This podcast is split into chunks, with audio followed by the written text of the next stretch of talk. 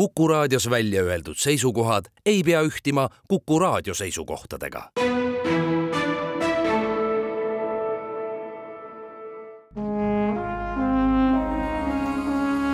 Vanemuise veerand. tere kõigile teile, head Kuku raadio kuulajad. tere külalisele, kelleks on täna Vanemuise draamajuht Tiit Palu. tervist. mina olen saatejuht Tiia Rööp. ma annan sulle saate hakatuseks väga raske ülesande. kas on võimalik kahe lausega, no ütleme kolme lausega kokku võtta Vanemuise draama sügishooaeg? küllap on, ma ei tea, kas minul see välja tuleb. kogu teatri kohta võib öelda küll ühe lausega. teatrit juhib nüüd Aivar Mäe ja see energia tõmbab meid kõiki kaasa. draamas on see hooaeg esimene päris hooaeg peale pikka põdemist pärast pandeemiat, mil me pidime olema ettevaatlikud ka oma planeerimistes. meil tuleb kaheksa lavastust, võib-olla siis lühidalt selle esimese poolaasta esietendustest. kõigepealt kuueteistkümnendal septembril tuleb välja Tom Stoppardi elavatest tunnustatuma ja, ja, ja suurima näitekirjaniku kõige uuem näidend Leopold Stadt mis räägib ühest juudi perekonnast kahekümnenda sajandi kõige olulisemate sündmuste keskel ja kuueteistkümnes september on ka juudi kalendris uue aasta esimene päev. selle järel, kaks nädalat hiljem, kolmekümnendal septembril, tuleb välja Eestis mitu korda lavastatud äge tükk Neil Simoni Päikesepoisid. väidan, et praegu Eesti teatris kõige paremad päikesepoisid on meil, need on Aivar Tomingas ja Hannes Kaljujärv. Ja neid silmas pidades ja muidugi publiku soove silmas pidades ongi see, see tükk meil kaua võetud, lavastab selle Robert Annus. ning kolmas uus lavastus tuleb meil üheksandal detsembril, samuti väikeses majas nagu Päikesepoisidki ja selleks on Poola tuntud dramaturg Jaanus Klovatski näidend Neljas õde, mis on mõtteliselt seotud Tšehhovi kolme õega ja selle lavastab Ukraina lavastaja Stanislav Moisejev. seal siis vaadatakse, mis nendest Tšehhovi tegelastest on edasi saanud. mäletatavasti need kolm õde igatsesid Moskvasse ja nüüd nad on sinna jõudnud. üheksakümnendate alguse kauboi kapitalismi Moskvasse, mis paistab, et kestab seal tänaseni nüüd me võiksime rääkida laupäeval esietenduvast Leopoldstadist, sina oled selle lavastaja. sa ütlesid, Tom Stoppard on elav klassik, tema ümber on isegi ma ütleks kultuslik aura, kui Stoppard on midagi kirja pannud, siis see ka kindlasti auhindu pälvib, nii on ka Leopoldstadiga. ütle, miks üks üle kaheksakümneaastane Briti näitekirjanik kirjutab loo juudi perekonna, Viini juudi perekonna saatusest?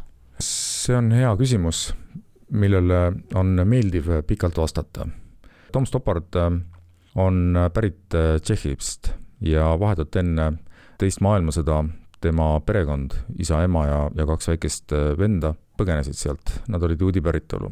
läbi Singapuri ja India jõudsid nad Inglismaale, vahepeal tema isa suri ja ema abiellus Inglise ohvitseriga Indias ja Tom Stoppard kasvas üles inglise poisina Inglismaal nagu ka Eesti peredes, pagulasperedes on juhtunud, siis mõnikord vanemad on soovinud oma lapsele lihtsamat elu, ei ole õpetanud talle seda keelt, on rääkinud talle vähe tema juurtest, selleks, et ta kohaneks paremini selle eluga, mis vanemate arvates peaks teda ees ootama ja oleks talle kasuks. nii läks ka Tom Stoppardiga, temast sai tubli inglane.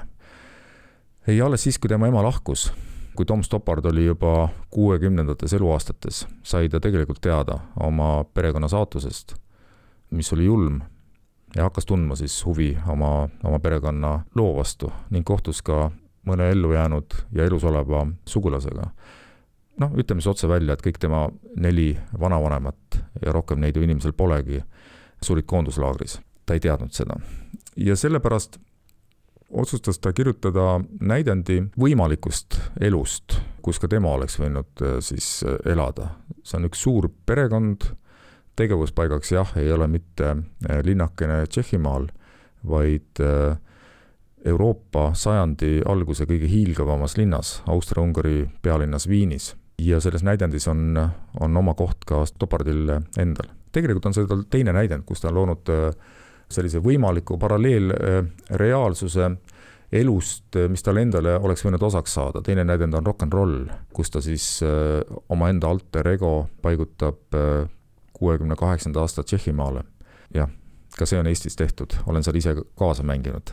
kas Leo on see tegelane Leopoldstadis, kes ütleme nii, et saab tõmmata paralleele Tom Stoppardi enda saatusega? jaa, see kindlasti ongi tema jah, no nii on see mõeldud ja, ja ja see teekond, see kohalejõudmise, oma perekonnast teadasaamise ja, ja selle suure tähenduse kohalejõudmise lugu selles, selles näidendis on, on just Tom Stoppardi enda lugu. kuid nii palju siis Stoppardist ja tema seosest selle näidendiga. oluline vast on see, et, et see lugu siis algab üheksateistkümnenda sajandi lõpust, aastast tuhat kaheksasada üheksakümmend üheksa, mil Viin oli maailma kõige säravam linn, mis pulbitses filosoofidest, kunstnikest, muusikast, heliloojatest, kõige uuematest mõtetest, oli algamas uus sajand, kõik teooriad ootasid seda suurt pööret ja, ja uut energiat. selle kohta on kirjutanud Stefan Zweig ägeda raamatu Eilne maailm kus kõik oli valmis, tundus, et kõik halb ajaloos ja, ja inimloomuses on jäetud selja taha või kuidagi nagu lahti muugitud ja mõtestatud. sellest seal ka räägitakse, aga meie juba teame, et halvim on ees, et veel hullemad äh, ajad on tulekul. ja läbi seitsme aastakümne siis see perekonnalugu hargneb, seal põlvkonnad vahetuvad, sünnitakse, lahkutakse, armastatakse, elatakse lakkamatult äh, filosofeeritakse, mõtestatakse seda, mis äh, toimub, tehakse üksteisele vingerpusse, äh, vaieldakse. ja nii me jõuame siis üle Esimese maailmasõja ja läbi Teise maailmasõja viiekümne viiendasse aastasse välja, läbi üheksa stseeni. see on suur lugu, suur Euroopa lugu läbi ühe perekonna, läbi kahekümnenda sajandi oluliste teemade, seal on palju värvi, seal on palju õhku. jah, see on suur lugu ja väga puudutav. kas väike ajaloo eelteadmine tuleb kasuks selle loo mõistmisel, kui inimene teab, mis asi oli kristalllöö, kui inimene teab, mis asi oli Anslus? jah, noh. saab ka ilma?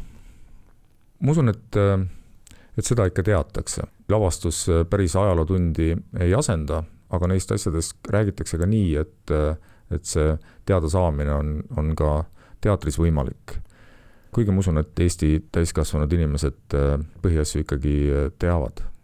selles loos on väga oluline roll ühel maalil. see on äh, teksti sisse kirjutatud kui Gustav Klimti maal Naine rohelise salliga. miks see maal on oluline? see maal on muidugi autori fantaasia. otseselt sellist maali ei ole olnud. aga tõsi on see, et Klimt oli oli oma ajastu erootiline kunstnik, kellelt äh, rikkad äh, tellisid äh, portreid oma naistest muuhulgas. kui külastada Austria kunstimuuseumeid, siis võib neid, neid suurilma prouasid Klimti maalituna seal näha kümneid. lavastuses on see maal üks siduv element ajastute vahel. see on midagi sellist, mis jääb seinale või siis võetakse sealt seinalt ja siis jääb sellele seinale mälestus sellest maalist. üks kõrvallugu on muidugi see, et Klimti kõige kuulsam maal Kuldne naine rekvireeriti natside poolt ühelt juudi perekonnalt. ja kuigi see oli nagu Austria kunsti kõige olulisem aare, siis äh, sellel perekonnal üheksakümnendatel õnnestus see maal siiski tagasi saada ja, ja Ameerikasse viia, kus selle perekonna siis äh, järglased veel äh, elasid.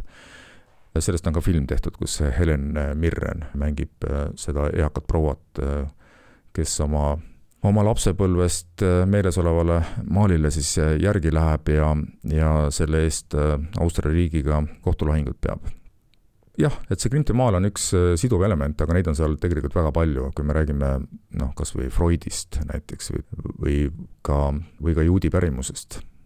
maailma esietenduse jaoks telliti ühelt Briti kunstnikult, kes muide on ka Boris Johnsonit, kui ma nüüd ei eksi, portreteerinud, ekstra maal selle lavastuse jaoks. kelle tehtud on see maal, mis on Vanemuises? ma eeldan, et on lavastuses kasutusel. Äh, jaa, muidugi on see kasutusel, ma, äh, ma ütleks niimoodi, et selle, selle kallal on tööd teinud äh, mitu inimest. jah, alates fotograaf Maris Savikust ja kahtlemata meie kunstnikust Liilia Blumenfeldist ja Ragne Pekarevist, keda on seal kujutatud.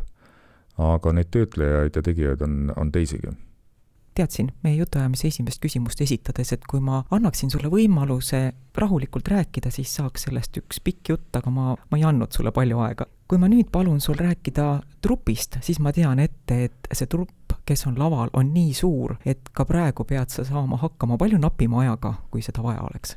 ma proovin. kõigepealt äh, soovin öelda seda, et äh, Vanemuise suur lava on Eestis suurim sõnalavastuse lava, parima tehnikaga see kõik on, on hea selleks, et suur lugu mõjule pääseks. sellepärast äh, on seda hea Vanemuises teha ja kindlasti kõige parem ka vaadata. selle näidendi peaosalisteks on aeg ja ruum.